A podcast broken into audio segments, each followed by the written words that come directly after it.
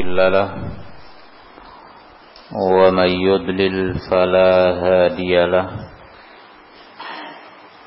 أشهد أن لا إله إلا الله وحده لا شريك له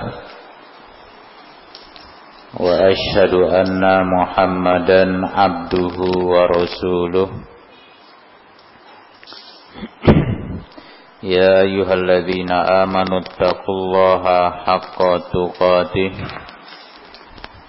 ولا تموتن إلا وأنتم مسلمون يا أيها الناس اتقوا ربكم الذي خلقكم من نفس واحدة وخلق منها زوجها وبث منهما رجالا كثيرا ونساء. واتقوا الله الذي تساءلون به والأرحام. إن الله كان عليكم رقيبا. يا أيها الذين آمنوا اتقوا الله وقولوا قولا سديدا. يصلح لكم أعمالكم ويغفر لكم ذنوبكم ومن يطع الله ورسوله فقد فاز فوزا عظيما أما بعد. فإن أصدق الحديث كتاب الله وخير الهدي هدي محمد صلى الله عليه وآله وسلم وشر الأمور محدثاتها فإن كل محدثة بدعة وكل بدعة ضلالة وكل ضلالة في النار. إخواني في الدين Jemaah sekalian yang dirahmati oleh Allah. Alhamdulillah. Segala puji bagi Allah Yang kembali memberikan Kesempatan Waktu dan kesehatan bagi kita semua. Hingga kita dapat kembali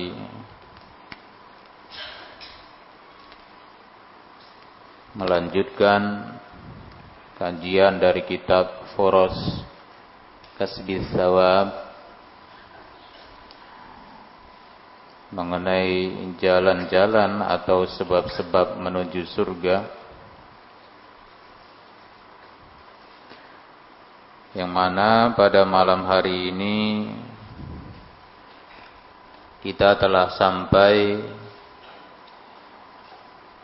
di halaman 179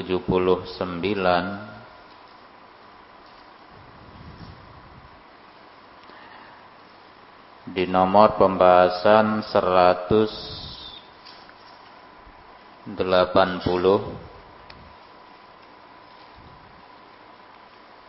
kita telah berada di pembahasan-pembahasan yang terakhir. Ya karena kitab ini poin pembahasannya hingga 182 nah Maka pada malam hari ini kita membaca poin 180. Syekh Naif bin Mamduh di poin 180 beliau memberikan judul pembahasannya yaitu Babu Fadlit taubati wal istighfari bab tentang keutamaan bertaubat dan beristighfar.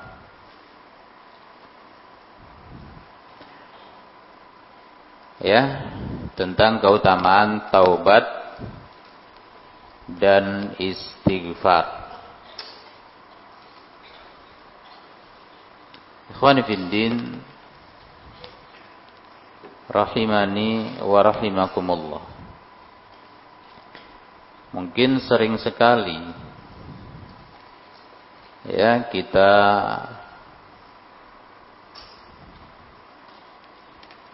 mendengar pembahasan mengenai taubat mengenai istighfar bahkan kata-kata ini sering kita dengar taubat dan istighfar. Bahkan mungkin sebagian orang bosan ya mendengar kata taubat, kata istighfar. Namun sesungguhnya ini perkara yang sangat penting. Ya perkara yang sangat penting untuk selalu kita ingat, selalu kita ulangi, kita pelajari kembali. Baik. Agar semakin baik ya kelas dari taubat dan istighfar kita kepada Allah Subhanahu wa taala. Ya, hari demi hari semakin baik. Nah, karena memang seorang muslim nggak boleh berhenti dari yang namanya taubat dan istighfar. Maka tak ada kata bosan seperti tadi ya, mungkin bosan dia mendengar, tak boleh. Tak ada kata bosan dari taubat dan istighfar. Kenapa begitu? Karena kita harus sadar kita ini manusia, bukan malaikat.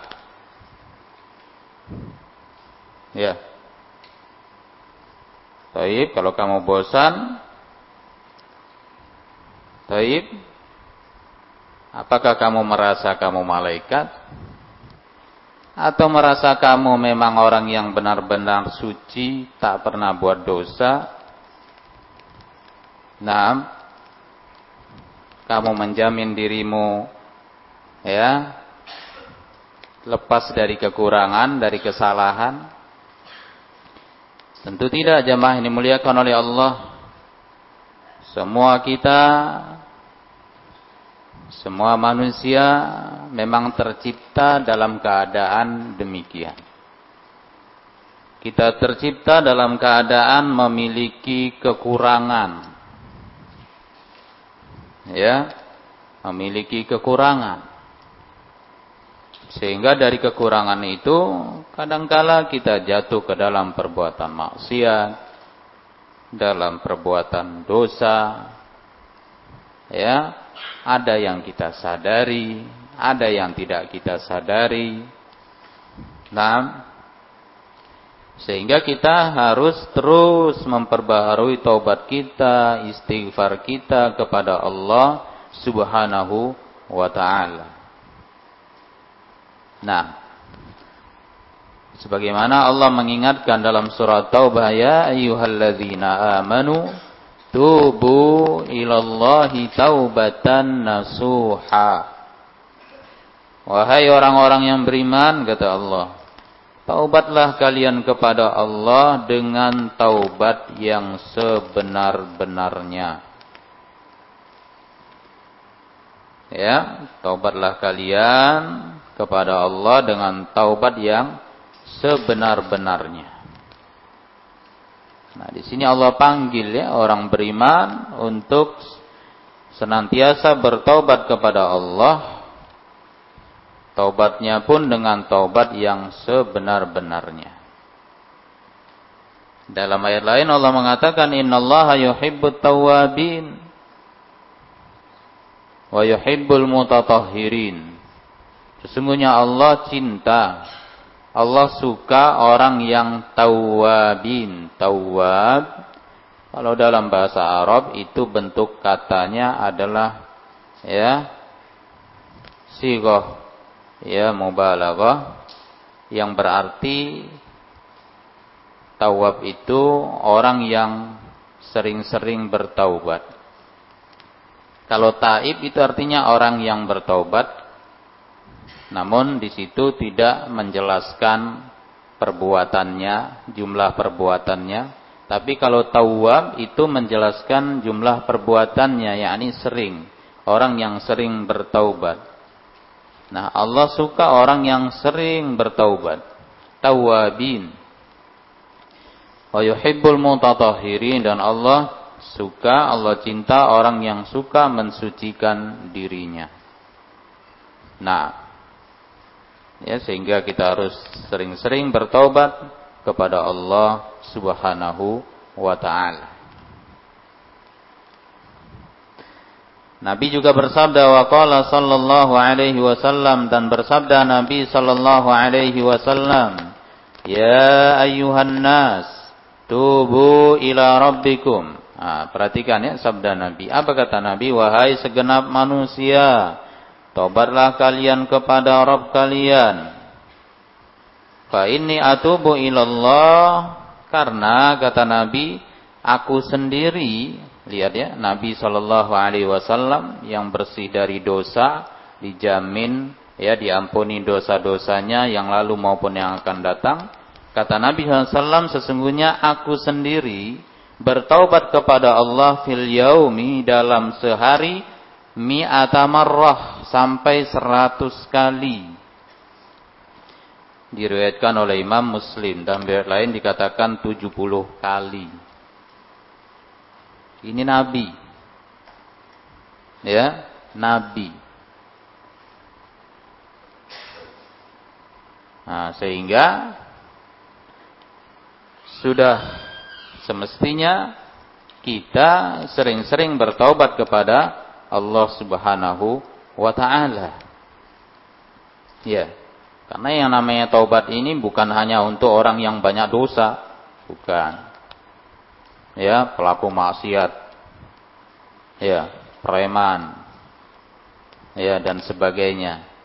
Tapi kita juga walaupun kita penampilan masya Allah ya sudah nampak lebih baik namun tidak menjamin kita tidak memiliki dosa ya karena banyak sekali celah-celah yang itu bisa saja menjadi dosa Kadang dari cakap bicara saja kita duduk-duduk dengan kawan bicara berbincang, kadang bisa buat dosa. Tanpa kita sadari kita menyakiti hati orang. Kita anggap itu hanya bercanda, kita anggap itu hanya biasa, padahal itu sudah terasa sakit bagi saudara kita. Atau ada kata-kata yang tak pantas, tak patut kita ucapkan, terlontarkan. Ya. Atau kadang-kadang ya kita malah e, menggunjing saudara kita dan yang sejenisnya. Banyak. Taib banyak sekali celah-celahnya. Sehingga kita harus menjaga diri dan terus memperbarui taubat kita, istighfar kita kepada Allah Subhanahu wa taala. Baik.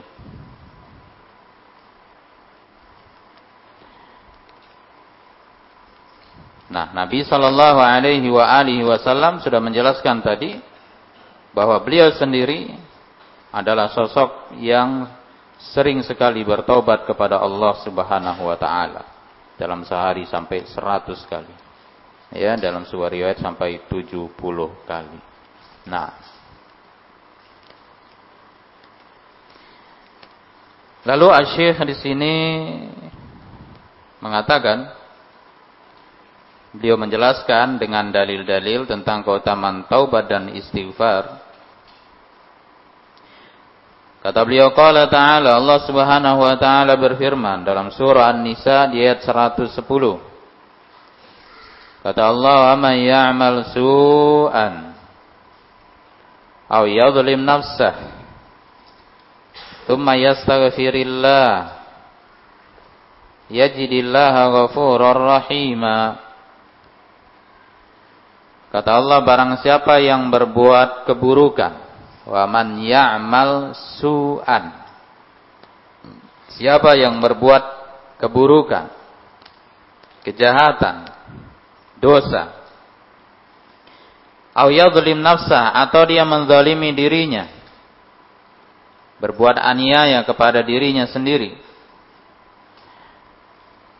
Kemudian tsumma yastaghfirillah, lalu dia beristighfar kepada Allah, yajidillaha niscaya dia dapati Allah. Ghafurur rahima.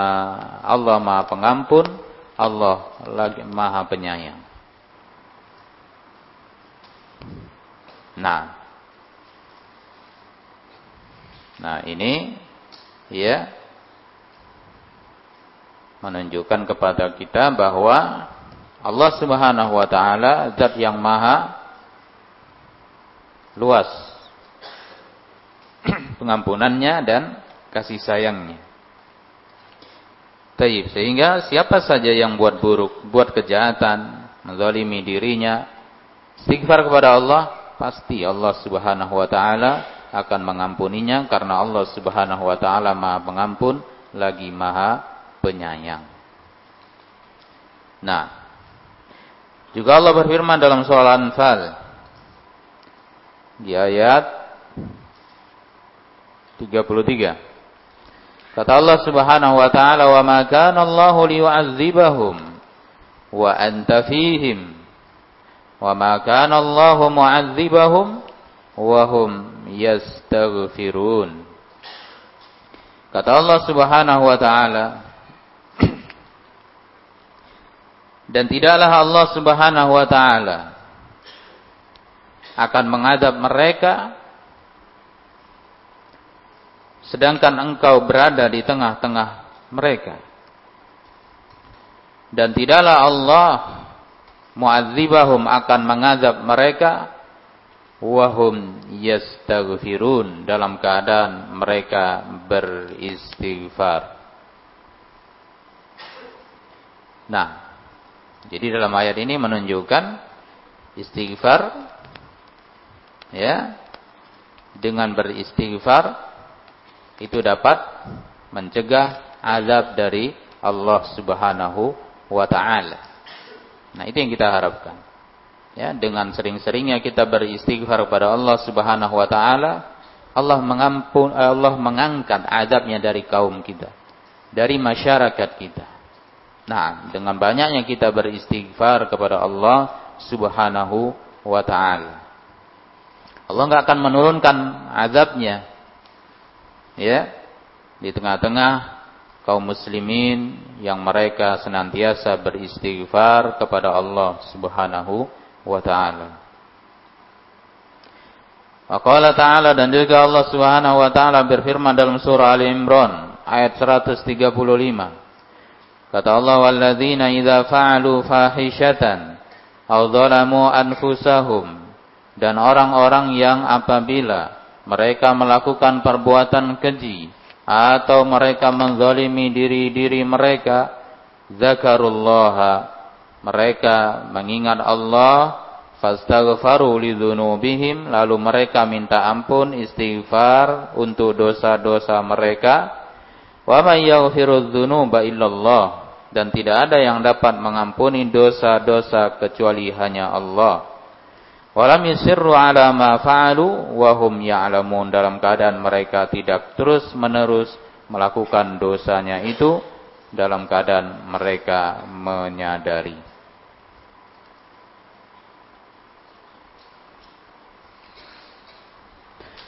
Kemudian kata beliau qala sallallahu alaihi wasallam bersabda Nabi sallallahu alaihi wasallam kata Nabi walladzi nafsi biyadihi demi zat yang jiwaku ada di tangannya yakni demi Allah laulam tudznibu la dhahaballahu bikum. Kata Nabi kalaulah seandainya kalian tidak buat dosa maka la dhahaballahu bikum sungguh Allah akan membawa pergi kalian, yakni Allah akan mewafatkan kalian.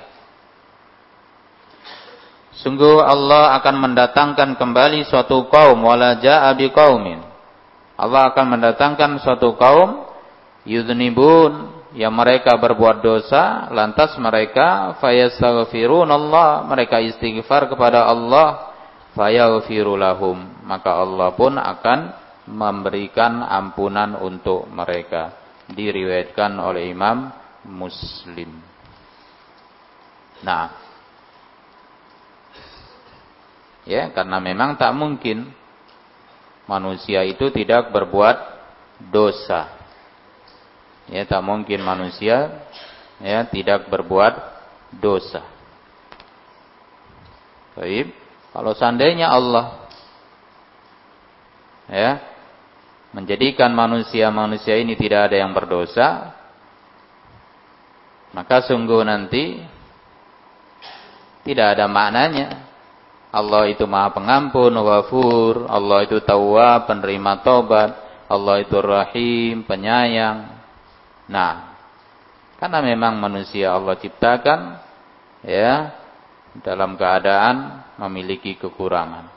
Dan memang wajar manusia itu kadang jatuh ke dalam perbuatan dosa, jatuh ke dalam perbuatan maksiat kepada Allah Subhanahu wa taala. Bukan berarti membenarkan perbuatan dosa, bukan. Ya, kalau berarti kalau kita artikan itu membenarkan perbuatan dosa, salah. Ya. Nah, arti wajar di sini wajar yakni sewajarnya manusia. Namun, ya, kita diharuskan untuk langsung beristighfar, bertaubat kepada Allah Subhanahu wa taala. Itu yang Allah cintai. Ya, itu yang Allah sukai. Kita bertaubat kepadanya. Berdosa, iya, karena memang kita manusia, berdosa.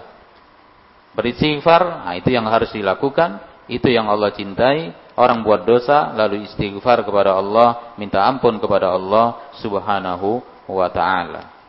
Nah, Baik, namun bukan berarti mengulang-ulangi dosa yang sama itu juga salah.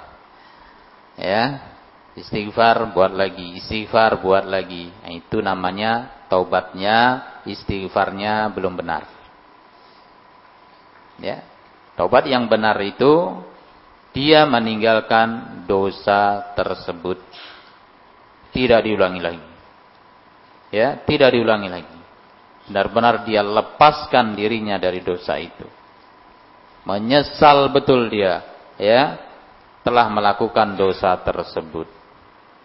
Nah, namun kalau nanti jatuh lagi ke dalam perbuatan dosa, namun di masalah lain, di bab lain, di pembahasan lain, maka itu wajar. Ya, maka dia juga harus terus bertobat kepada Allah Subhanahu wa taala. Nah, itu kita sering ya, sering. Taib, sering itu terjadi. Sehingga kita harus terus bertobat kepada Allah Subhanahu wa taala.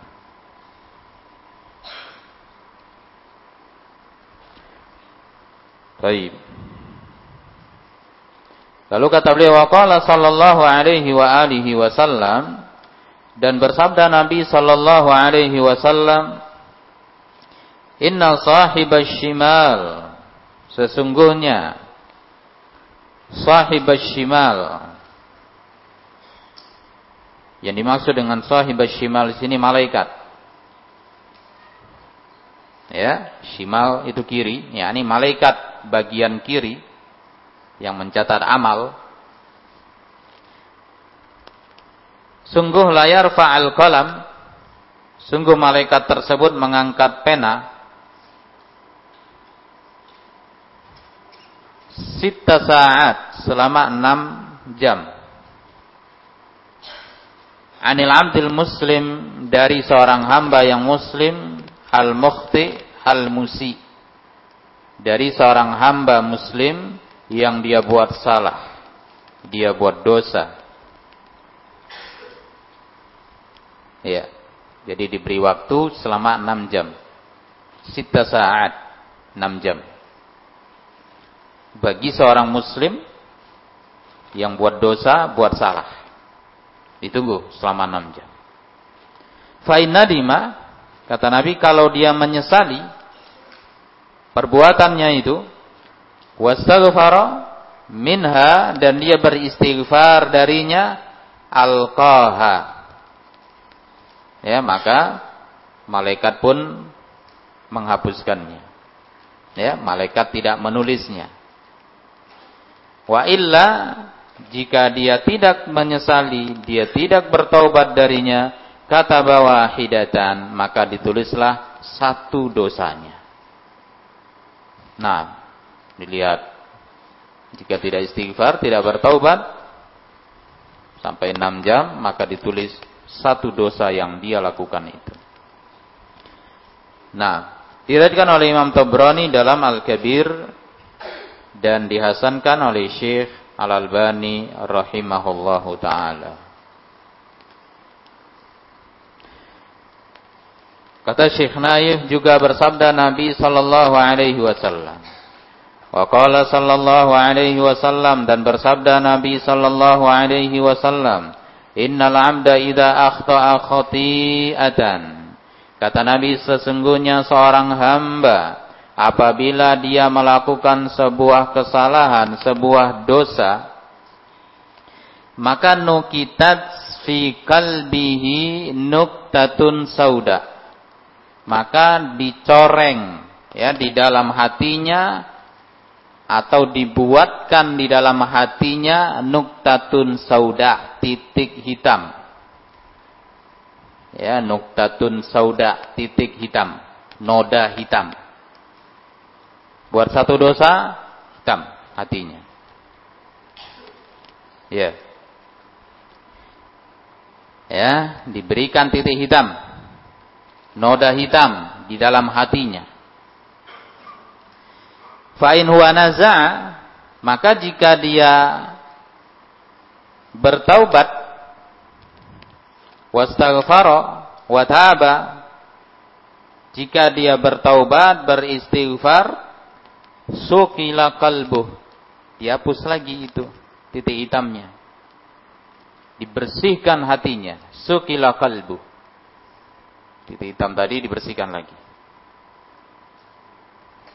Tapi wa ada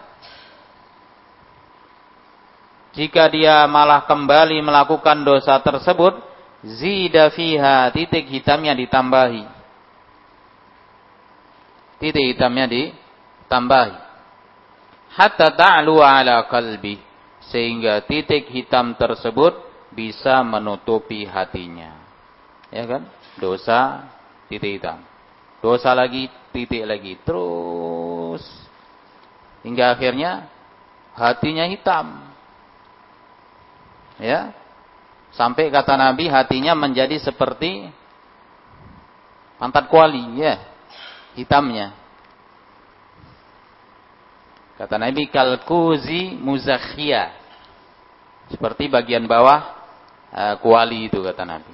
Kita bilang pantat kuali ya. Nah, itu hitam. Bisa kayak gitu hatinya. Karena do dosa-dosa yang dia lakukan. Tak tobat-tobat. Tambah teruslah titik hitamnya tambah kelam hatinya, mati hatinya. Coba kita lihat ya. Tadi ya bagian bawah kuali tadi. Yang hitam tadi. Itu siram air, nggak nembus itu. Ya. Makanya orang yang seperti ini sudah kelam hatinya, gelap hatinya, naudzubillah. Jangan sampai ya kita seperti itu. Ini nggak bergeming dinasihati. Nggak takut dosa di itu. Ya. Nabi yang mengatakan kata Nabi sehingga orang ini enggak mengenal mana yang ma'ruf mana yang mungkar. Sama aja sama dia. Tak ada takutnya. Buat dosa tak takut dia. Apa kita takut-takuti dosa? Enggak takut dia. hatinya sudah kelam, gelap, mati hatinya. Baik. Ya, karena banyaknya dosa yang dia lakukan. Nah, itu yang disilahkan di dalam Quran namanya ron. Wahwaron, kata Nabi itulah yang disebut dengan ron, noda hitam di dalam hati karena sebab dosa. Alladzi dzakarallahu taala yang mana Allah Subhanahu wa taala menyebutkan di dalam ayatnya kalla bal rana ala qulubihim ma kanu yaksibun. Sekali-kali tidak. Bahkan kata Allah rana ala qulubihim. Titik hitam itu hingga menutup, e, bisa menutupi hati mereka karena sebab dosa-dosa yang mereka lakukan. Ikhwan fiddin rahimakumullah. Pernah enggak kita merasa? Ya, pernah enggak kita merasa ada dosa yang dulu kita sangat takut jatuh ke dalamnya. Ya, mendekatinya aja udah takut kita. Tapi hari ini kita rasa dosa itu kok biasa. Ya. Hari ini kita rasakan dosa itu kok rasanya biasa nggak takut kita. Tahu kita dosa tadi kok nggak takut gitu. Nah itu tadi. Itu sudah menunjukkan bahwa hati kita telah berubah. Hati kita sudah semakin kotor. Nah, baik sehingga kurang cahaya di dalam hati. Jadi kurang reaksinya terhadap dosa kurang rasa takutnya dari dosa. Baik. Nah, itu ya di antara dampak dampak dosa terhadap hati. Sementara hati ini adalah yang menguasai seluruh tubuh kita. Ya kan? Ibarat ya eh, supir ya. Ini ibarat supirnya kalau e, di dalam sebuah kendaraan. Ini supir. Maka supirlah yang menentukan keselamatan penumpang. Maka supir inilah yang paling penting. Ngantuk dia selesai. Ya. Uh, ugal-ugalan dia bisa celaka. Dalam sebuah negara pemimpin ya, itu yang sangat penting, itu yang sangat berpengaruh pada kesejahteraan masyarakatnya. Dalam sebuah kerajaan, rajanya. Nah, begitulah hati. Nah, kalau ini sudah rusak, hati kita sudah gelap, hati kita sudah kelam, apa jadinya kita? Maka seperti yang disabdakan Nabi tadi, nggak kenal lagi mana yang baik, mana yang jelek itu nggak kenal dia. Jadi cemana hidupnya? Ya suka-suka dia aja. Ya, suka-sukanya aja udah. Baik. Nauzubillah min dzalik. Maka kita harus senantiasa bertaubat kepada Allah. Jangan merasa nggak perlu taubat. Tak perlu istighfar oh saya. Ya, tiap hari sholat kok. Tiap hari saya begini, tiap hari saya begitu. Nah, merasa dia tidak berdosa. Hati-hati. Nggak sadar kita, padahal tiap hari ada dosa yang kita lakukan itu terus membuat keruh dan keruh akhirnya hitam hati kita, gelap hati kita. Nah, Khanifindin, azakumullah, maka kita harapkan dengan seringnya kita bertobat, dengan seringnya kita beristighfar kepada Allah, kayak Nabi bilang tadi, dibersihin kembali hatinya. Titik hitamnya dihapus, dibersihin. Nah, Ya, sehingga begitulah kalau sudah bersih, insya Allah hati itu kembali ber, bercahaya. Ilmu agama tangkapnya, nasihat diserapnya. Ya, bukan malah gitu nasihati malah balik marah. Baik, pikirannya langsung dia suudon sama yang menasihati. Oh, kamu mau merendahi saya ya? Kamu mau ngajari saya ya? Ya, padahal orang mau supaya dia berubah kebaikan untuknya. Nah, Begitu juga bagi pelajar ya, hati ini juga sangat penting dalam menerima ilmu. Ya, dalam menghafal, memahami pelajaran itu sangat penting. Kalau kita banyak dosa, pelajaran gak ada yang masuk, lewat-lewat aja gitu. Susah ngapal, susah memahami. Ya, tapi payah. Nah,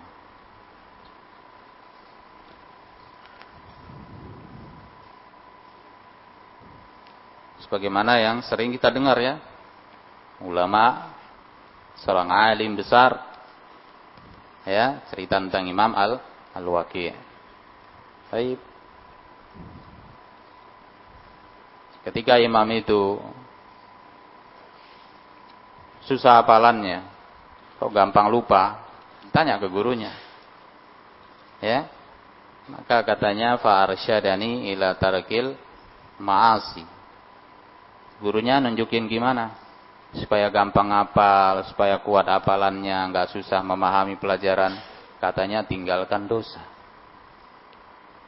Karena ilmu itu cahaya.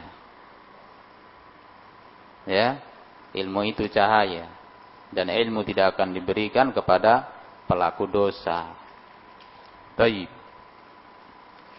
Nah, sehingga sangat penting bagi kita semua apa pun kita kita harus ya meninggalkan dosa.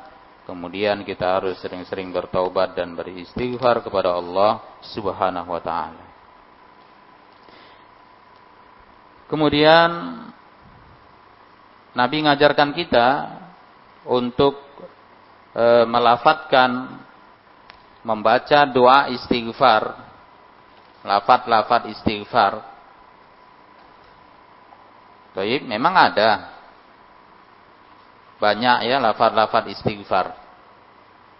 Bahkan gampang sekali ya ucapan astagfirullah. Itu paling gampang. Ya, itu yang paling gampang. Itu dosa, dosa astagfirullah. Namun ada yang paling utama. Ya, ada yang paling utama. Bacaan dari doa is istighfar. Nah, doa yang paling utama dalam minta ampun kepada Allah Subhanahu wa taala ini nami, e, dinamakan oleh Nabi sallallahu alaihi wasallam namanya Sayyidul Istighfar. Ya, namanya Sayyidul Istighfar.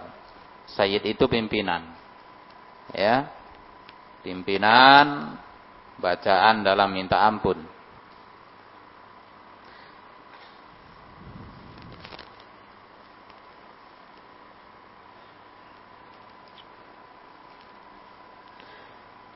Apa bacaannya? Memang agak panjang ya, ini perlu diapa. Tapi ini yang paling utama. Bacaannya adalah Allahumma anta rabbi. Ya Allah, engkau adalah Rabbku. La ilaha illa anta. Tidak ada sesembahan yang berhak diibadahi kecuali hanya engkau khalaqtani wa ana abduka. Engkau telah menciptakan diriku. Dan aku adalah hambamu. Wa ana ala ahdika. Dan aku berada di atas perjanjian denganmu. Wa wa'dika mastata'tu. Semampu diriku. Wa a'udzubika min syarri ma sana'tu dan aku berlindung kepadamu ya Allah dari kejahatan apa yang telah kulakukan. Abu ulaka bini'matika alayya. Aku kembali kepadamu ya Allah dengan limpahan nikmat yang engkau berikan kepadaku. Wa abu ubi dambi dan aku mengakui dosa-dosaku. Aku mengakui nikmat yang engkau berikan kepada diriku dan aku juga mengakui dosa-dosa yang telah aku lakukan. Faghfirli maka dari itu ya Allah berikanlah ampunan kepadaku. Fa innahu sesungguhnya la yaghfirudz dzunuba illa anta. Tidak ada yang dapat mengampuni dosa kecuali hanya engkau. Nah ini doa istighfar yang paling utama. Nah, kenapa ya lafat ini adalah lafat istighfar yang paling utama? Karena jemaah yang dimuliakan oleh Allah, para ulama menjelaskan karena mengandung tiga hal. Ya, karena mengandung tiga hal. Dan bukan hanya pada doa istighfar ini saja. Dalam doa apa pun, jika dia mengandung tiga perkara ini, maka itu adalah doa yang paling utama. Ya, doa yang paling utama. Apa itu? Pertama, doa tersebut dimulai dengan memuji dan menyanjung Allah Subhanahu wa taala. Itu pertama. Dimulai dengan sanjungan, pujian, Ya Allah, Engkau adalah Rabbku. Tidak ada sesembahan yang berhak disembah kecuali hanya Engkau, Ya Allah. Engkau telah menciptakanku. Aku ini hambamu.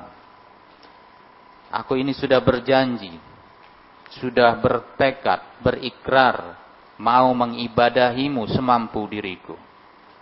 Nah, itu pengakuan. Ya, eh, itu uh, sanjungan kepada Allah Subhanahu wa taala. Sanjungan untuk Allah Subhanahu wa taala, pujian untuk Allah Subhanahu wa taala. Lalu perkara yang kedua berisi pengakuan akan dosa-dosa kita, akan kekurangan-kekurangan kita. Seperti tadi, ya.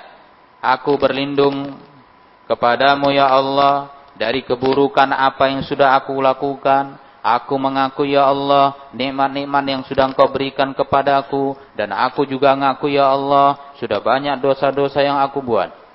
Nah. Pertama menyanjung Allah Subhanahu wa taala, memuji Allah Subhanahu wa taala, lalu mengakui kekurangan diri kita. Ya, mengakui kekurangan dosa-dosa yang sudah kita lakukan. Baru terakhir permintaan. Apa permintaannya? Falfirli ya Allah berikanlah ampunan kepada diriku. Karena sesungguhnya tidak ada yang dapat mengampuni dosa kecuali hanya engkau. Nah, sehingga lafat istighfar ini adalah lafat yang paling utama karena mengandung tiga perkara tadi. Nah, maka doa apa pun itu kalau mengandung tiga perkara ini, maka itu doa ya memiliki keutamaan dari doa yang lainnya. Dia yang paling afdol. Nah, kenapa? Karena sangat beradab, penuh adab, ya doanya penuh adab. Bukan berarti Allah Subhanahu wa taala kalau enggak dengan cara tiga cara tadi Allah enggak kabulkan tidak. Kita langsung minta pun Allah kasih. Ya Allah aku mintain. Ya Allah aku minta ampunan. Langsung astagfirullah. Ya. Dan seterusnya. Pasti. Kalau itu benar-benar Allah berikan. Namun ada yang lebih bagus lagi. Ya, ada yang lebih beradab lagi yaitu mengandung tiga perkara tersebut. Nah, baik. Tentu Allah Subhanahu wa taala beda dengan makhluknya. Ya kan? Tentu Allah beda dengan makhluknya. Kalau makhluk ya sering kita mintai maka dia akan marah.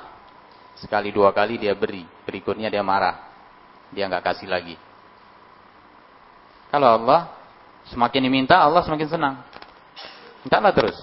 Allah senang. Terus, minta terus. Allah semakin senang. Nah, kenapa begitu? Nah, karena Allah Subhanahu wa taala kalau hambanya sering-sering minta kepadanya menunjukkan apa? Menunjukkan bahwa hamba itu memang butuh kepada Allah Subhanahu wa taala memang bergantung kepada Allah. Dia terus minta, terus minta kepada Allah Subhanahu wa taala. Nah, terus bertobat, terus istighfar berarti benar-benar menunjukkan apa?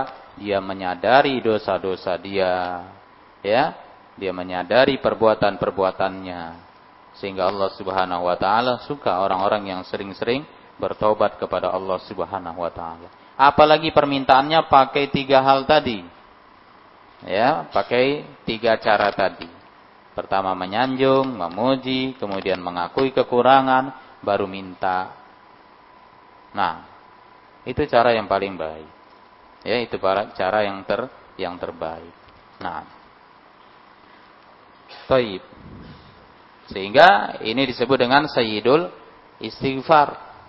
Disebut dengan sayyidul istighfar. Contoh ringannya ya, kita mau minta sama ini sesama hamba lah ya, manusia. Coba kita buat dengan tiga cara tadi.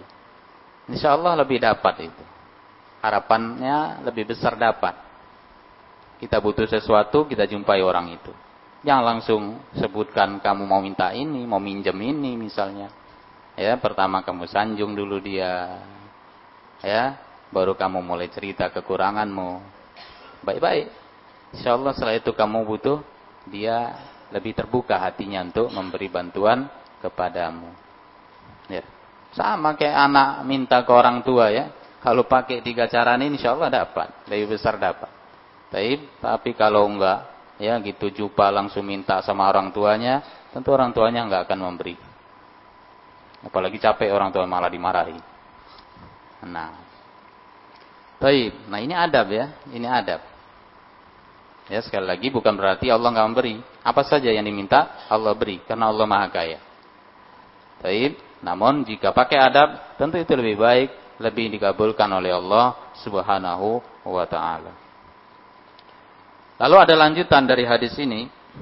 Kata Nabi sallallahu alaihi wasallam, "Wa man qalaha minan nahari muqinan biha, famata min yaumi qabla an yumsiya, fahuwa min ahlil jannah."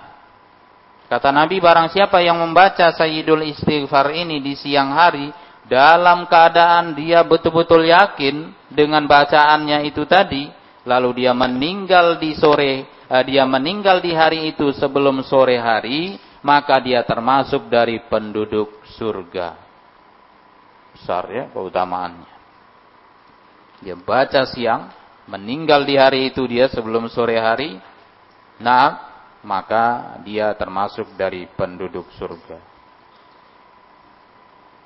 Lalu begitu juga sebaliknya kata Nabi Waman qalaha minal laili Barang siapa yang membacanya di malam hari, yakni di sore hari, wahwa mukinun biha dalam keadaan dia yakin dengan apa yang dia baca, famata lalu dia meninggal qabla an yusbiha sebelum pagi hari, fahuwa min ahlil jannah dia termasuk dari penduduk surga diriwayatkan oleh Imam Muslim. Karena memang Sayyidul Istighfar ini termasuk dari zikir pagi dan petang.